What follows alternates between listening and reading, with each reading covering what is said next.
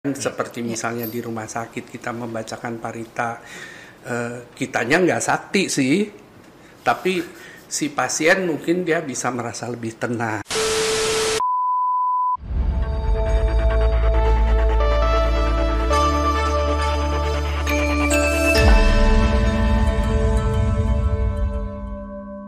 Gimana rasanya? Aduh, seneng. Halo Ki. Halo, Halo Ega. Ega, Ega. Po. Ega, Ega itu unik ya. Hah? Baru sekali saya. Aku tadi tanya nama panjangnya, coba tanya. Ah, coba nama panjangnya apa? Nama panjang saya Dwi Egalita Novia Maharani. Anak kedua, anak kedua, anak kedua. Makanya Ki bisa agak Oh maju. gitu. Hah? Agak Aku maju. harus, aduh, aduh. Ya, kalau enggak Is it misalnya okay? Ya, ya. Ah. Oke, oke. So it's a, such a long name. So I I better call you Ega, ya. So what does it mean? Eh, katanya sih dulu kalau dari orang tua itu terinspirasinya dari eh, karena zamannya Megawati ya waktu itu jadi Oh, Mbak terinspirasinya Ega. dari situ. Oh, terinspirasi dari Kalau sana. gitu panggilnya Mbak Ega. Aki gimana sehat? Alhamdulillah, Alhamdulillah, baik. baik ya, lama tak jumpa. Iya. Ega, kalau kenal Ki Ananda kira-kira pertama kali jumpa gimana kesannya? Kesannya orangnya baik. Oh. Ya, eh, teman-teman Ki Ananda salah satu sesepuh kita di agama Buddha ya, sesepuh kita di agama Buddha. Kemarin saya lihat foto Ki Ananda. eh, Apa namanya itu kalau orang ketemu nggak ketemuan lama? Meet up. Bu, Tapi ya lebih keren, lebih keren dari meet. Apa tuh? Reunian. Oh, iya. Kamu tebak nggak anak eh, so- apa namanya Ki itu gerakan Buddhis? itu eh, gerakan pemuda Buddhis Indonesia itu adalah awal dari eh, gerakan kepemudaan karena sebelum itu tidak pernah ada kepemudaan agama Buddha. Ya, dan Tahunnya tahunnya 65. 65. Jadi gerakan pemuda Buddhis tahun 1965 yang berkumpul kembali di tahun 2022. Tapi masih pakai nama gerakan pemuda Buddhis. Enggak lagi ya. Dan eh, sebagian sudah bukan agama Buddha, Aduh. tapi tetap namanya gerakan Pemuda pemuda, Buddhis Buddhis. Indonesia. Sayang ya masih kalau di, di kemarin saya bikin video satu, kamu Buddhis. Eh, kamu masih Buddhis? kamu belum? ya sudahlah, nggak apa-apa itu pilihan orang masing-masing. Ya, ya. Jadi tahun 65 itu kayak apa sih agak? Kamu kamu belum eh, saya saya juga belum eksis di dunia ini sebagai Hendra Lim. So what what does it what did it like? What was it like in 1965? Oh, sangat-sangat eh, gembira aja kita sangat se- apa senang sebetulnya karena kumpul dengan sama-sama sebaya ya. Saya waktu itu SMA, tapi ada sebagian yang sudah kuliah, ada sebagian yang eh, SMA juga sih. Oh. Nice ya. Dan 65 sampai 20, 2022 Masih tetap bisa berkumpul tuh luar biasa ya. ya dan Oh, kita kekeluargaannya terjalin baik Ya, sih. ya. Itu sebenarnya yang penting di agama Buddha. Saya kalau saya memilih ya Buddhis itu sebenarnya esensinya adalah berkomunitas, ber bersahabat, berkumpul bersama. Itu juga salah satu pilar di empat pilar pendidikan UNESCO namanya learning to live together. Dan itu keren sekali ya. Eh, dan do- 65 sampai 2022 Kianana masih eksis. Betul. So how many years it is? 57 wow, langsung hafal. 57 years for Buddhist development. Ah, Luar biasa. jadi ada panggilan Romo, ini Ki lebih Lebih setingkat. Lebih gitulah. ya. Ada satu lagi sahabat di Bogor dulu Romo Cunda, sekarang manggilnya Ki Cunda juga. Iya. Saya pikir pantas ya, tepat. It's in Sunanis, bahasa Sunda Ki, Ki Eh, itu. sebenarnya eh, di Sunda maupun di Jawa kalau kita manggil ke orang yang kita nggak kenal itu kita manggilnya ki Hmm. Oh. ki sanak misalnya Oh. Eh, tapi saya lebih terinspirasi dari Ki Hajar Dewantara I see. karena beliau itu menanggalkan seluruh atribut kebangsawanannya dan memilih menjadi Ki Hajar Ki, Ki Hajar Dewantara. Oh, I see. Saya pikir itu malah namanya loh. Enggak, itu awalnya adalah beliau itu Raden Mas. Oh, Oh jadi Raden Masnya ditinggal ditanggalkan. ditanggalkan. Kemudian- dia memilih jadi Ki. Ki, aja. an- ki aja. Oke, oke. Ya, saya pikir tepat ya untuk memberikan apresiasi kepada banyak sesepuh senior di perkembangan agama Buddha Indonesia. Kamu beruntung hari ini tamunya adalah Ki Ananda. sangat beruntung Sama lah. Kita kalau nggak ada karma juga nggak jumpa. Jumpa, ya. ya. Saya juga beruntung belajar dari Bro Moming, dari Mbak Ega, dari teman-teman semua. Ya, dan Ki Ananda kita kenal salah satu bukan salah satu saya bilang malah kalau ada rekor murinya boleh diajukan sebagai penggagas eh, Dharma Yatra pertama ya Ki. Nggak. Nggak nggak pertama ya. Setelah eh, sempat vakum beberapa tahun, dulu kan yang pertama banyak yang Hmm. bikin Banyak big banyak grup ya. ada, Ada. bukan banyak lah dulu ada Ki Ananda adalah one of the best. Saya bilang one of the best karena ada juga teman-teman lain yang. Ya, saya kira itu relatif lah. Ya, jadi kapan nih next trip? Saya kayaknya baca dalam waktu dekat ini ke India. Ya, pengennya sih Oktober, pengennya. Oktober, pengennya Oktober. Tapi eh, masih dalam planning Oke. karena sebelum itu saya akan ke India dulu akhir bulan ini sendiri aja hanya untuk melihat apakah cukup aman atau Hmm. Oke, enggak. Kalau aman ya Oktober kita Oktober. jalan. Asik, asik. Ya, kalau saya sering mengatakan Ki, udah pernah ke Jepang, belum Korea? belum Coba kamu udah pernah ke mana aja sih? belum, Belum. pernah mau diajak mungkin nih kok Salah nanya. Saya suka tanya sama umat, udah ke mana aja? Oh, saya udah ke Eropa, udah ke Korea, udah ke Jepang, udah ke Kutub Utara. Oke, oke. Udah ke India belum? Dan mereka India gitu sih gitu. oh, you should be there karena itu very very exotic and kan itu juga yang Buddha ajarkan tentang Ya saya kira kalau kita sanggup pergi ke mana-kemana ya, Ya. kenapa enggak Betul, kita ke betul, ke India, India. gitu. Itu adalah salah satu tempat yang sangat luar biasa untuk kita. betul. Apalagi khususnya rekan-rekan Buddhis.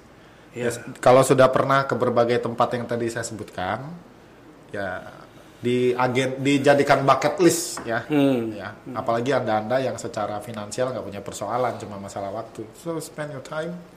Nanti perginya bareng Kiananda. Eh, enggak Oh, juga. perginya mah sama siapa aja. perginya sama siapa. Ini aja. menghindari kesan eh, jadi sponsor enggak. Ini murni dari hostnya. Oke, eh, Eka topik kita hari ini apa kira-kira? Eh, kekuatan parita ya kok hari ini Oke, kita bahas kekuatan ya. parita ya. Cocok ya kita tanya sama Kiananda dan nah, maksud saya Kiananda nah, 57 tahun bersama mengawal agama Buddha Indonesia. Pengalaman beliau tentu Sudah banyak. banyak dan bermanfaat buat kita. Silakan Ega, ayo we start from you anak muda yang mulai. Silakan Ki, minum kalau ya. minum Oh, silakan. iya, minum ya. Ki. Soalnya Silakan, silakan. gemeter kalau ditanya biasanya. Biasa nanya hari ini ditanya. ditanya. Kalau dari saya kan sebagai mungkin kaum muda yang Kaum. masih awam banget nih Ki, kok eh, mau tanyanya itu mungkin sebenarnya apa sih manfaat dari parita itu sendiri gitu Ki? Parita itu kalau kita lihat dari awal katanya memang kan eh, perlindungan katanya. Iya. Saya juga nggak ahli sih bahasa palinya tapi coba aja di Google deh. Kayak nggak salah di Wikipedia bilangnya gitu. Berarti perlindungan. Jadi ya dia melindungi sifatnya. Tetapi jangan salah karena juga eh, nanti mungkin dalam perkembangan pertanyaan-pertanyaan berikutnya saya akan mengupas juga efek negatif dari parita. Berarti bukan cuma ada There is, there is. There is. negatif. And Oh iya. we don't have to wait for the next question. Langsung aja aja. Hah? Apa itu negatif Ya ya? misalnya misalnya kita terlalu bergantung kepada parita gitu kan, eh, ini akan menimbulkan satu eh, eh, permasalahan tersendiri yaitu bahwa nanti kita akan terjerat ke dalam apa yang dikatakan eh, tahayul ya. Eh, kita menganggap bahwa it's eh, apa itu satu-satunya dan di atas semua apalagi sekarang judulnya aku nggak tahu judulnya ini panitia ini aneh banget aku kalau ditanya aku nggak akan jawab itu judul kayak gitu tuh. Biasa zaman now ini, zaman now. Memang judul itu harus yang yang agak provokatif. Iya. Ini mah bukan agak provokatif, provokator benar. Iya, jadi memang kita harus terampil karena kalau kalau ya hanya sebatas mengandalkan kekuatan doa saja saya merasa tidak cukup ya. Aku rasa juga Iya. begitu. Aku rasa juga begitu. Tidak cukup. Jadi parita itu mungkin melindunginya dalam artian begini. Saya jadi ingat dulu waktu kecil, itu masih bocah. itu kalau ada perasaan nggak takut misalnya di sebuah tempat. Saya pernah turun dari salah satu gunung. Kemudian sepanjang jalan itu saya merasa ada sesuatu yang di belakang saya. Dan saya baca Namo Busa, Namo Kuan Yin Bu. Terus sepanjang jalan tuh sampai turun. Dan sepanjang perjalanan itu merasa lebih lebih plong gitu. Hmm. Gitu ya Ki, yang di- dimaksud dengan melindungi juga ya. Ya antara lain seperti itu. Tapi jangan kalau kamu nggak bikin PR jangan baca parita biar terlindung. Lalu kalau parita itu artinya melindungi, eh, jadi ada waktu-waktu tertentu nggak sih kalau kita tuh harusnya kapan nih baca paritanya gitu? Atau mungkin ada nggak sih parita-parita yang memang sebaiknya kita harus baca setiap hari gitu? Eh, tergantung sih. Kalau mau dianggap sebagai vitamin, ya tiap hari. Tiap. Kalau mau dianggap sebagai payung, ya pada musim hujan aja. Atau pada waktu turun gunung lagi ketakutan gitu. Jadi ya eh, gak ada salahnya saya kira, tapi memang eh, saya juga baru kepikiran tadi sih di jalan bahwa parita itu akan semakin menguat setelah kita lebih sering membacakannya. Dan juga eh, faktor lain yang menambah kekuatannya adalah apabila dibacakan lebih dari satu orang. Jadi eh, ada sa- satu satu kekuatan bersama katakanlah dan akan lebih manjur lagi katakanlah manjur dalam tanda petik kalau yang membacakannya itu mempunyai sila yang baik. Jadi tadi seperti Bro Moming katakan ada faktor-faktor lain yang mendukung bukan hanya sekedar membaca parita saja tapi harus ada faktor lain. Ada ada energi kolektif yang Energi kolektif, kemudian sila yang mendukung, karma yang baik. Karena tadi juga waktu kita ngobrol-ngobrol, kadang-kadang kan ada yang kita mengharapkan parita itu mengharapkan jadi sembuh, tapi ternyata nggak sembuh. Kenapa Ah, gitu? Iya. Karena ya mungkin karmanya kurang mendukung gitu dari yang bersangkutan. Berarti tadi kayak faktor-faktor kita udah baca parita, kita mengharapkannya mungkin eh, terjadinya seperti apa gitu, tapi justru malah sebaliknya. Berarti itu faktor-faktornya dari karma juga berarti ya Ki ya. Nah tergantung juga apa yang diharapkan. Kalau mengharapkan kena lotre ya nggak dapat. ada ada satu cerita begini misalnya kemarin di ngobrol-ngobrol sama teman-teman di MPI Banten gitu. Nah. salah satu alasan juga kenapa orang menganggap ada ya bukan orang ada yang menganggap kalau agama Buddha itu kurang manjur misalnya si A sakit terus ada rombongan nih dari wihara yang datang berkunjung kemudian didoakan. Nggak belum sembuh. Terus ada lagi grup agama lain yang datang mendoakan sembuh gitu. Jadi mereka bilang agama Buddha itu nggak manjur. Ya saya jawab begini. Ya pada saat di- pada saat didoakan itu mungkin obatnya belum bekerja faktornya nggak cukup. Oke. Nah, atau di makanya ketika didoakan dari versi agama Buddha, lo kok malah nggak sembuh. Kalau didoakan dari versi agama lain, disembuh nih katanya seperti itu.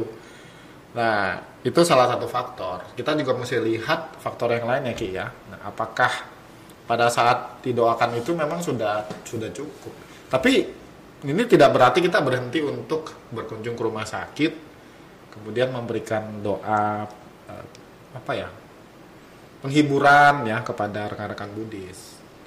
Sama kayak kamu mau ujian gitu, udah nanti aja lah, gua baca parita aja ntar di kelas. Langsung berharapnya bisa Ih, ngerjain nggak, semua. nggak, ya. nggak semudah itu. Tetapi tidak berarti juga tidak punya kekuatan. Paling enggak, paling tidak secara bersama ya Ki ya, lebih lebih plong lah. begitu. Ya ada juga faktor lain. Jadi karena salah satu dari manfaat membaca parita itu adalah juga menumbuhkan kebijaksanaan. Uh, nah ini dari mana nih datangnya menumbuhkan hmm. kebijaksanaan? Tentunya kalau kita membaca parita tanpa mengerti artinya, sulit untuk menjadi lebih bijaksana. Tapi kalau kita membaca parita dengan e, memahami, me, me, merenungkan artinya, maka ada kemungkinan e, bahwa kita akan berangsur bertambah bijaksana. Karena kita udah lebih paham mungkin dengan bahasa yang ya. Uh, uh, bukan berarti bahwa kalau kita tidak paham terus paritanya tidak manjur, tetap uh, hmm. ada manfaatnya. Manfaatnya antara lain adalah menumbuhkan ketenangan. Jadi ya, kan ya. seperti ya. misalnya di rumah sakit kita membacakan parita, uh, kitanya nggak sakti sih, tapi si pasien mungkin dia bisa merasa lebih tenang setidak-tidaknya untuk penghiburan dia kan kitanya mah nggak nggak sakti enggak iya tapi saya tertarik tadi ya jadi eh, Parita itu mau kayak apa? Mau kayak baca vitamin buat kayak minum kayak vitamin diperlakukan seba, seperti vitamin atau sebagai payung, payung. untuk melindungi atau hanya sebagai apa ya, sesekali aja anda gunakan untuk melindungi anda di saat takut? Yang paling bagus yang? Vitamin. Vitamin. Kalau kalau ya. jadi vitamin itu berarti uh, ada waktunya nggak sih Ki? Atau ya udah yang penting tiap hari mungkin baca sekali atau tiap hari dua hmm. kali atau gimana Ki? Uh, kalau saya jadi ingat Romo Eko di, di Bandung. Oh Bandung. Uh, Pak Pembimas dulu ya. Pak Pembimas beliau kan uh, mengatakan apa sih istilahnya saya juga udah lupa tuh. Uh, pokoknya gini deh, setiap bangun pagi gitu nggak usah mikir mau hmm. segala macam tapi namaskara dan paling nggak baca parita dulu sesudah bangun pagi gitu ya memang kalau bisa ya nggak apa-apa bagus juga tapi hmm, saya cenderung karena zaman sekarang ini ya kapan sempatnya deh hmm. saya bilang sehari dua kali sehari tiga kali eh. atau lima kali kalau nggak sempet ya orang sekarang kan tapi jangan juga dijadiin alasan saya nggak sempat. Nah eh, tadi pagi saya juga ditegur sama Bante Jaya Medo bukan hanya sekedar sempat nggak sempat ke India itu tapi niat apa enggak gitu. Karena kalau niat pasti disempetin. Kalau nggak niat ya nggak sempet sempet menjawab pertanyaan kamu itu kita saya sering mengatakan begini umat beragama yang soleh, saleh, misalnya teman-teman muslim, itu hal pertama ki yang dilakukan di pagi hari itu adalah sholat. The very first thing they do in the morning. Jadi bangun, cuci muka, apa wudhu ya istilahnya ya, bersihin badan, kemudian ya pergi ke masjid atau atau di rumah mungkin ya. Dan hal pertama yang mereka lakukan adalah kalau eh, bahasa kita ya mungkin baca doa dan sebagainya. Dan itu baik dan Buddhis memang karena terlalu asik. Saya mengatakan terlalu asik jadi nggak ada nggak ada pedoman wajib. Semuanya butuh kesadaran atau niat tadi seperti tadi kata Bante Jayamedo kalau niat pasti disempetin kalau nggak niat sampai kapan pun tidak akan sempat. Begitu. Jadi ya ini satu sikap beragama yang baik yang bisa kita teladani dari teman-teman muslim yaitu mereka bangun pagi dan sembahyang ya, sholat. So I think we can follow the same ya, follow the example ya, ikutin yeah. contoh itu aja. Uh, dan juga uh, pengaruh dari guru hmm. juga penting.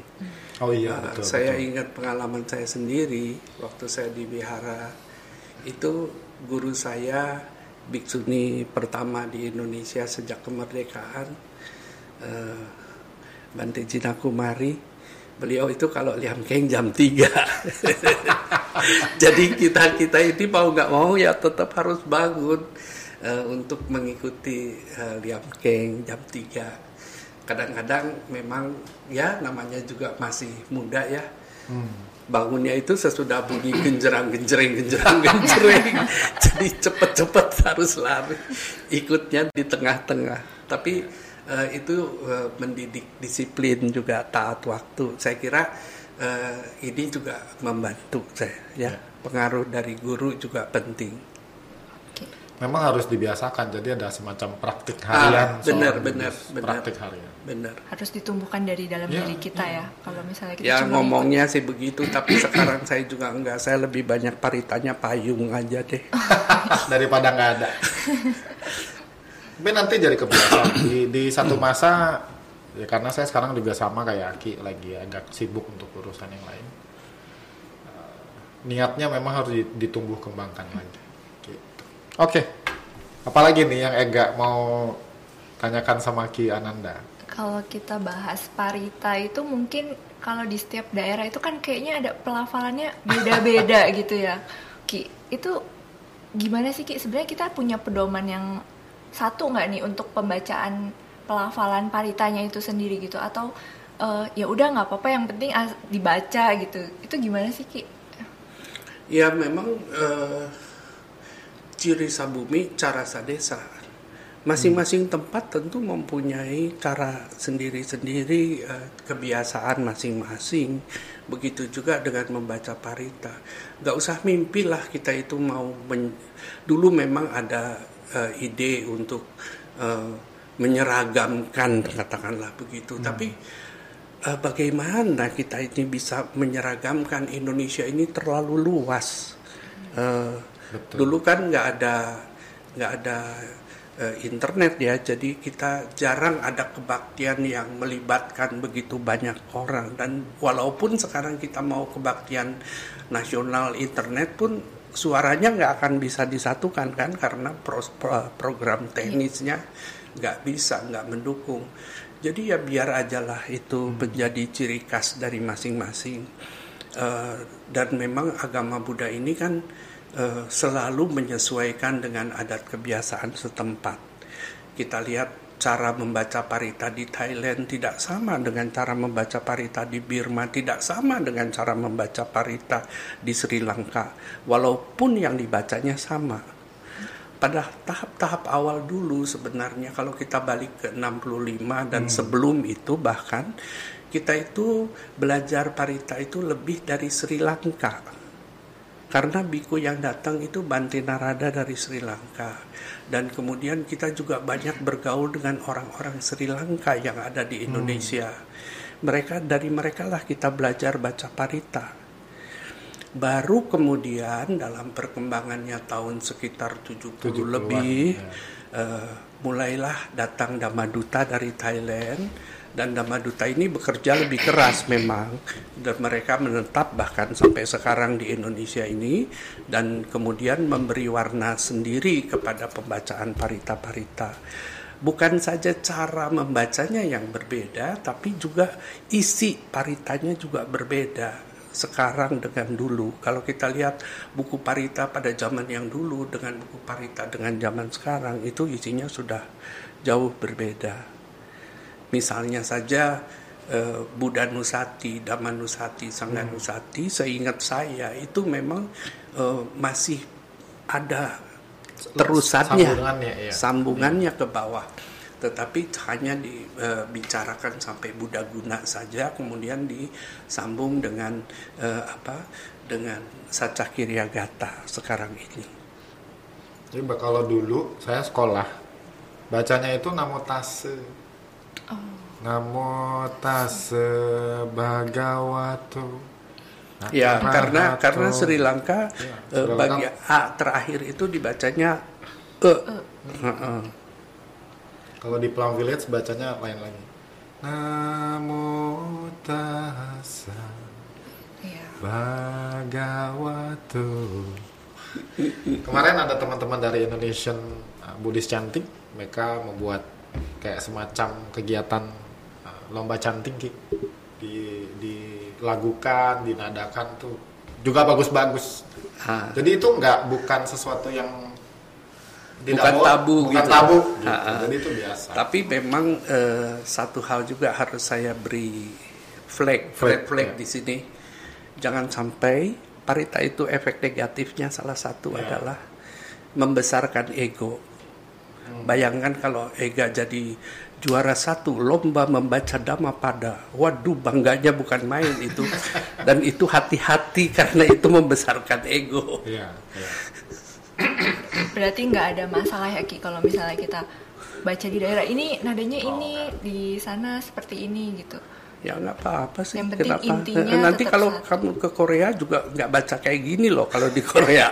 Terus orang tanya tuh Romo Moming bacanya gimana di Korea. Dia udah tahu ke Plum Village. Di Korea kayaknya nggak baca parita beda dia.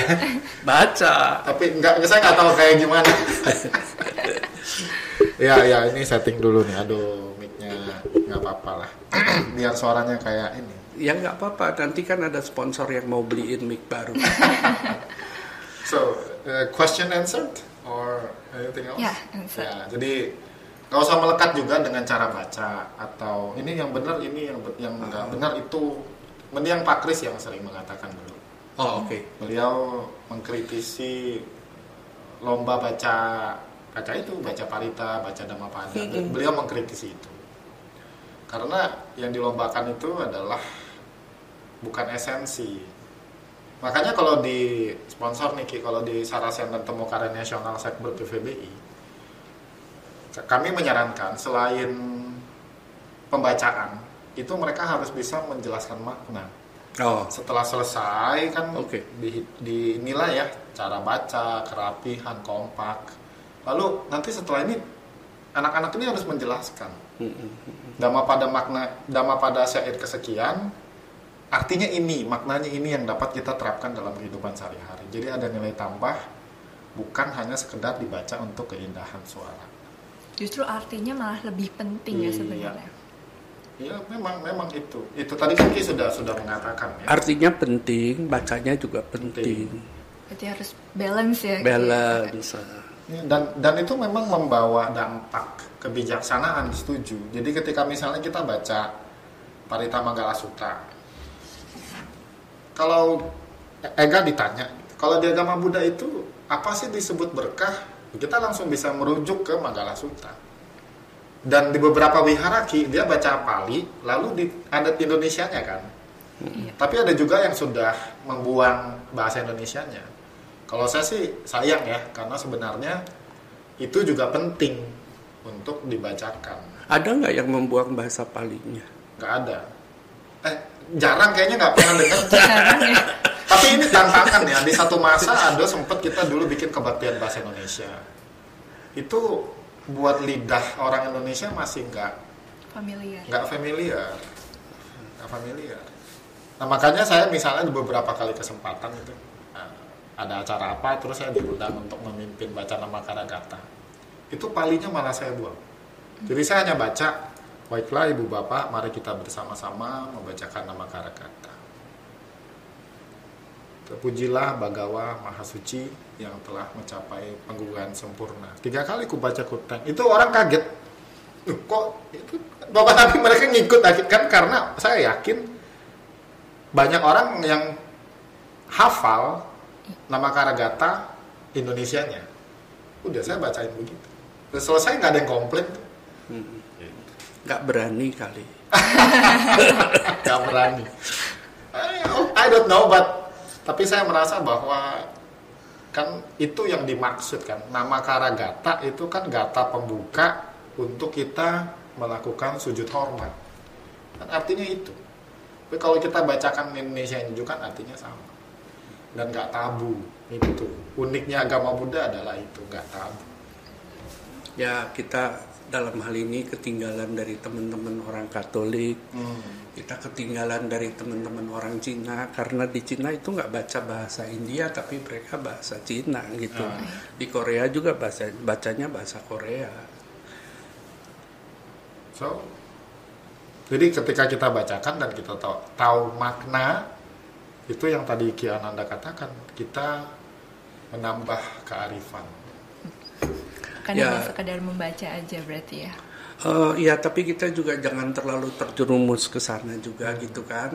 Eh, kalau kita lihat percobaan yang dilakukan oleh beberapa ilmuwan, eh, mereka juga melihat bahwa eh, tanaman itu ada pengaruhnya dari dari kata-kata atau dari musik atau dari perlakuan kita terhadap mereka gitu ya Google aja deh mungkin Ya, banyak ya, itu ya, di ada. Mel, eh, di Australia di Hawaii dan lain-lain. Mereka melakukan percobaan seperti itu.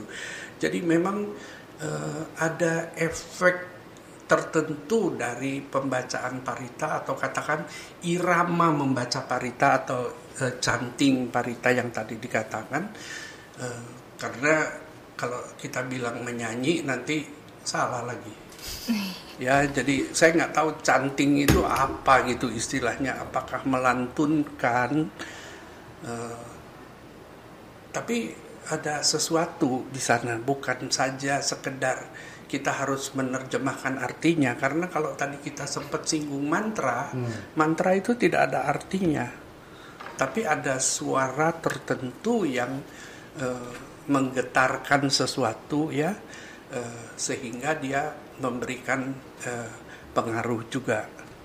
Jadi dalam hal ini tidak melulu kita itu harus mengerti artinya. Kadang-kadang eh, orang yang buta huruf, nenek-nenek, hafal itu eh, apa eh, mitocing misalnya, dia dari awal sampai akhir, tapi dia nggak ngerti apa itu artinya karena eh, kitab-kitab suci di dalam bahasa Mandarin pun tidak tegas apa artinya itu belum tentu dimengerti oleh orang yang bisa berbahasa Mandarin. Harus ada penerjemahan lagi gitu kan. Tapi efeknya tetap sama tuh. Nah jadi dalam hal ini eh, salah satu kalau tadi Ega tanya apa manfaat membaca parita? Menambah konsentrasi fokus kalau kita eh, eh, kalau kita nggak konsen kita nggak bisa apal coba deh baca Tai Chow nanti kan bisa acak-acakan tuh Iya. kalau nggak kalau nggak konsen fokus. heeh. lari sana lari sini itu jadi kalau anak muda terbiasanya kan cuman berbasis parita kan ya. Jadi coba sesekali itu ikut pembacaan sutra eh, di Mandarin ataupun Sanskerta nanti kamu akan ketemu tuh tantangannya ya ini larinya ke mana Dan- pengalaman lain lah Ya pengalaman lain. Kalau parita kan sudah biasa ya di sekolah atau di wihara biasa kan pembacanya parita pali. Ya, tapi jangan juga itu. Coba sesekali ikutlah baca parita di misalnya eh, di Tipitaka Canting di Borobudur. Nanti kan itu kita nggak pernah baca tuh banyak parita-parita yang nggak pernah kita baca. Nah, coba deh itu. Itu juga butuh konsentrasi sendiri lagi. Berarti kalau parita itu kan sebenarnya eh, agama Buddha ini alirannya kan terbagi ke beberapa juga ya. Nah, terus kita di sini biasa terbiasa memang bacanya parita, tapi kita kan tahu juga ada kalau di Mahayana bacanya Mandarin gitu. Sebenarnya ada nggak yang membedakan ini apa sih antara parita yang biasa bahasa Pali yang kita baca dengan yang eh, bahasa Mandarin atau nanti kalau misalnya yang Tantrayana juga pasti bahasanya akan berbeda gitu. Sebenarnya yang pokok yang membedakan ini apa Ki? Ya itu tadi eh, kebudayaan masing-masing ya. Kebudayaan masing-masing. tapi isinya mungkin akan tetap sama pada intinya gitu ya. Kalau intinya ya sama. Intinya ya sama. Berarti cuma bahasanya, caranya aja yang berbeda ya. Ya, katakanlah begitu. Baik. Karena aku juga nggak mau komen terlalu jauh daripada nanti di banyak yang demo. Ada yang pengulangan. Jadi kan sutra itu kan sutra atau suta. Bahasanya kan satu sutra satu sutra. Ese- Intinya adalah mengulang apa yang Buddha telah ajarkan. Ajarkan. Nah, jadi kalau se- se- kalau kita analisis kebaktian Pali misalnya biasa dimulai dengan penghormatan.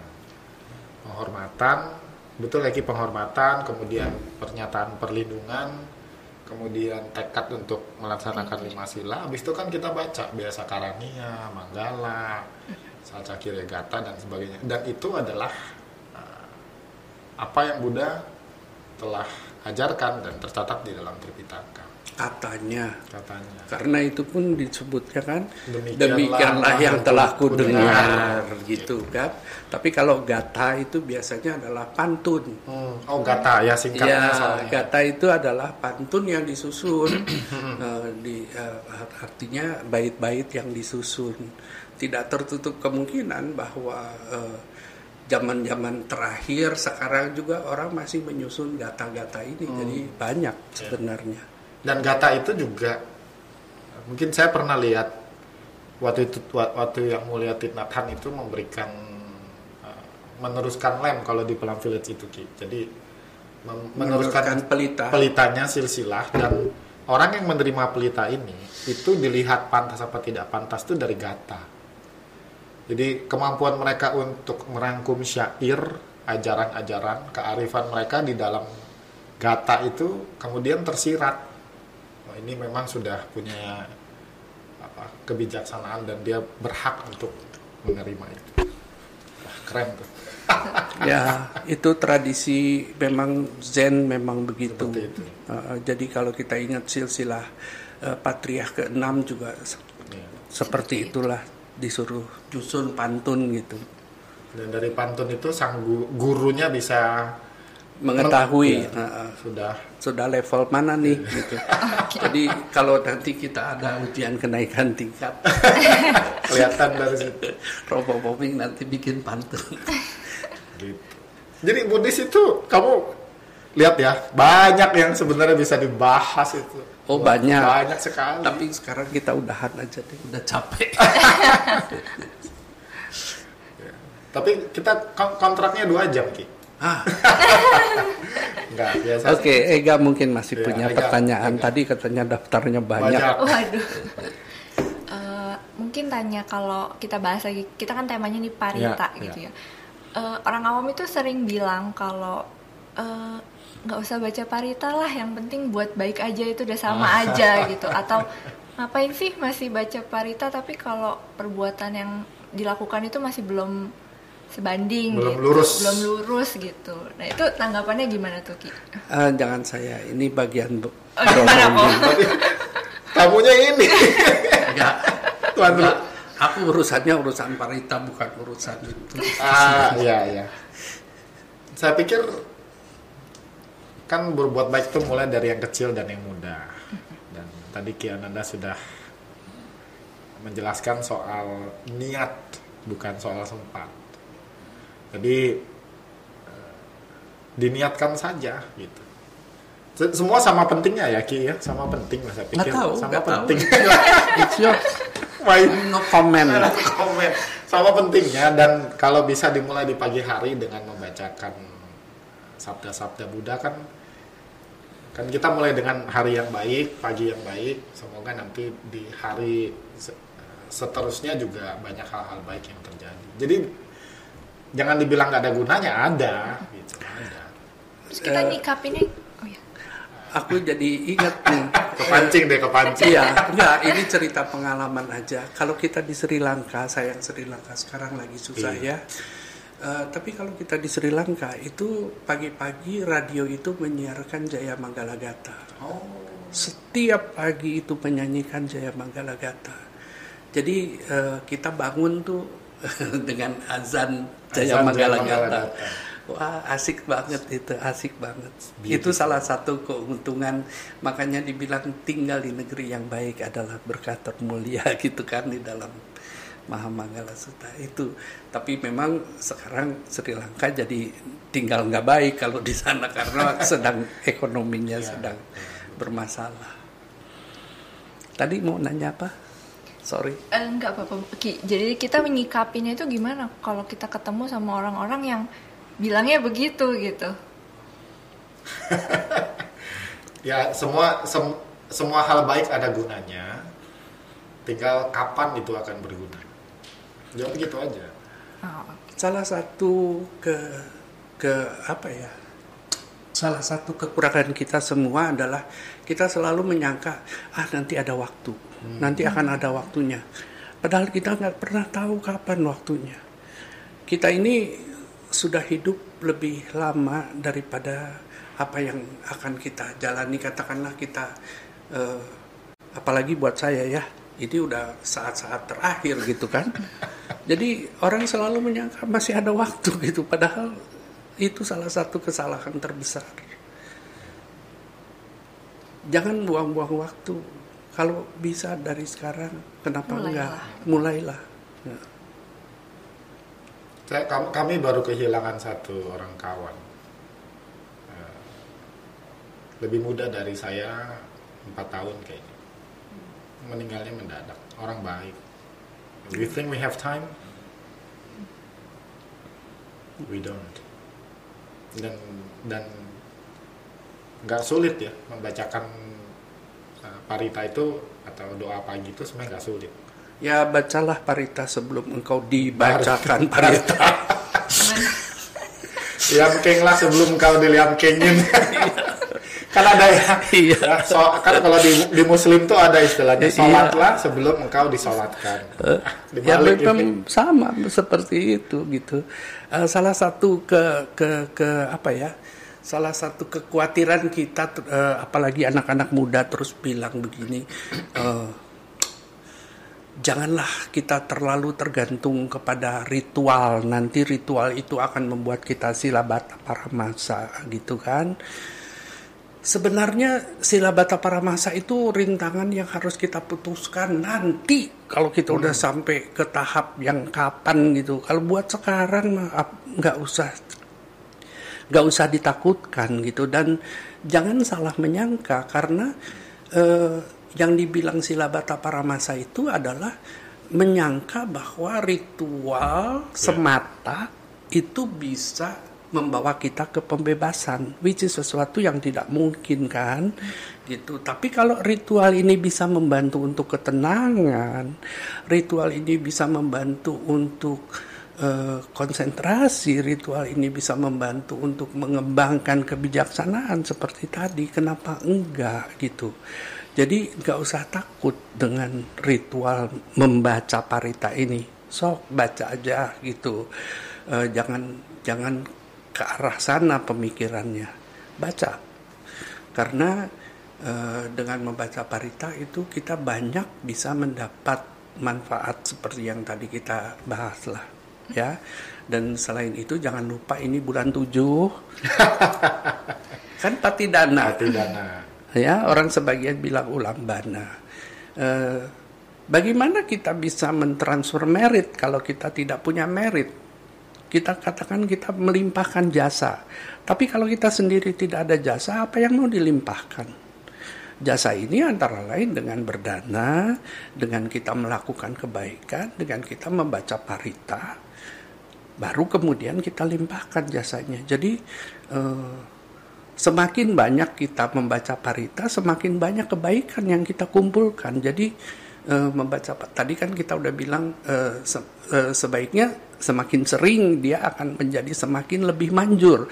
Sebenarnya bukan dari soal manjur, tapi kalau kita banyak membaca parita, maka kita sudah mengumpulkan cukup banyak karma baik sehingga apa yang kita limpahkan, apa yang kita doakan, apa yang kita the transference of merit, the transference of uh, meta itu ya lebih gampang nyampe nya karena kita sudah punya tumpukan. Kalau kita nggak punya, kalau saldo kita minim, ya apa yang mau ditransfer? Ini eh, aku harus disclaimer juga.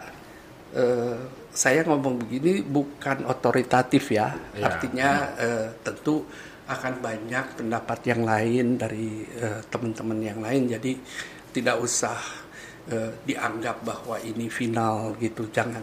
Kalau kata Guntur Romli, ini bukan fatwa. Ah, Fatwa Bukan. bisa didebat. ya,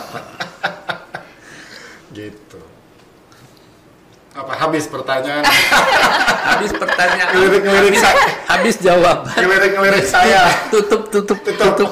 terakhir ki terakhir terakhir aja terakhir ini ini soal mungkin ini pertanyaan orang banyak gini loh Ah, ini ini pertanyaan saya waktu kecil kalau saya nonton film horor kok di Indonesia nggak ada biksu yang mengusir uh, melakukan ritual itu.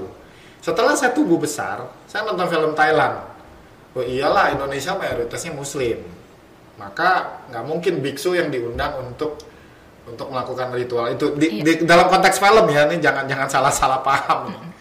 Nah kalau di di, di di di agama Buddha ada nggak hal-hal seperti itu yang mesti kita bacakan atau daraskan untuk ritual-ritual itu? Saya penasaran. Ya, bukan berarti tidak ada ya. Jadi jangan juga dibilang nanti agama Buddha nggak manjur. katanya. manjur juga kok. Heeh, tapi bedanya adalah kalau dalam agama Buddha setannya itu nggak diusir, tapi diajak temenan, dilimpahkan cinta kasih. Jadi dianya baik sama kita.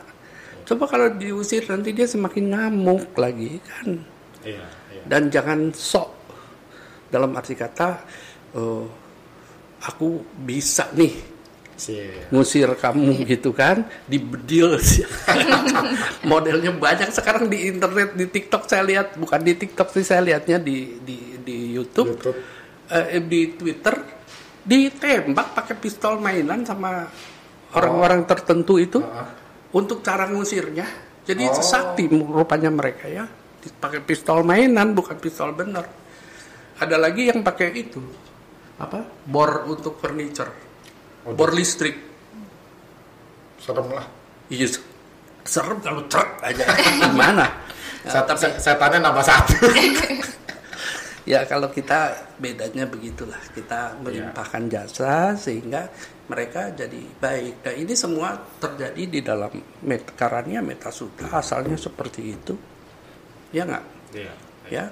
Karania metasuta kalau kita eh, baca se- sejarahnya ya memang seperti itu. Jadi untuk menenangkan para makhluk yang tidak kelihatan itu untuk eh, eh, menjadi cinta kasih terhadap para biku yang akan bermeditasi di tempat tersebut.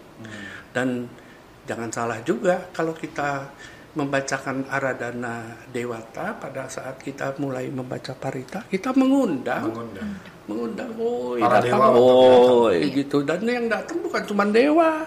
Yang datang makhluk-makhluk lain semua juga hadir di situ gitu. Dan selalu ada yang hadir di sekitar kita ini juga. Ada yang makhluk-makhluk tak terlihat gitu. dan mereka juga kalau moming menganggapnya gini sama seperti kawan yang nggak kelihatan dan kelihatan kita bertemu dengan orang yang energinya baik kita juga senang Ya. saya meyakini bahwa para semua makhluk yang tidak terlihat ada yang baik dan ada juga yang beda ya. Nah, yang baik ya tentu dia akan juga melindungi kita. Saya, saya sangat percaya hal seperti itu. Jadi topik kita bicara tentang uh, parita itu banyak manfaat gitu. Selain tadi kan sudah ditambahkan untuk kearifan, kebijaksanaan, menambah keyakinan, menambah ke- eh, kebajikan, menanam karma-karma baik dan juga melindungi kita dari mungkin energi-energi yang buruk. Oke, final questions if you have maybe. Eh, mungkin pesan-pesan buat kami kaum kaum muda ini gimana nih Ki? Untuk bisa eh, mungkin setidaknya bisa baca paritanya itu bisa lebih ditingkatkan gitu ya kan udah tahu Vitamin. Ma- vitaminnya mau ya mau ningkatkan apa enggak Iya. Berarti kalau mau ningkatkan jalanin kalau nggak mau ningkatkan ya what can I say Iya. berarti harus memang dari kesadaran diri sendiri Yes. betul Yes. It's all up to you. Oke, baik. Eh, terima kasih Ki. oh Terima saya kasih. juga terima kasih terima kasih Bro Momi terima kasih Mbak Ega Thank you for terima your kasih time. semua Sampai jumpa di lain Kesempatan. kesempatan. Semoga trip ke Indianya sukses dan lancar. sadu sadu Sadu. sadu Oke. terima kasih terima kasih panitia teknisi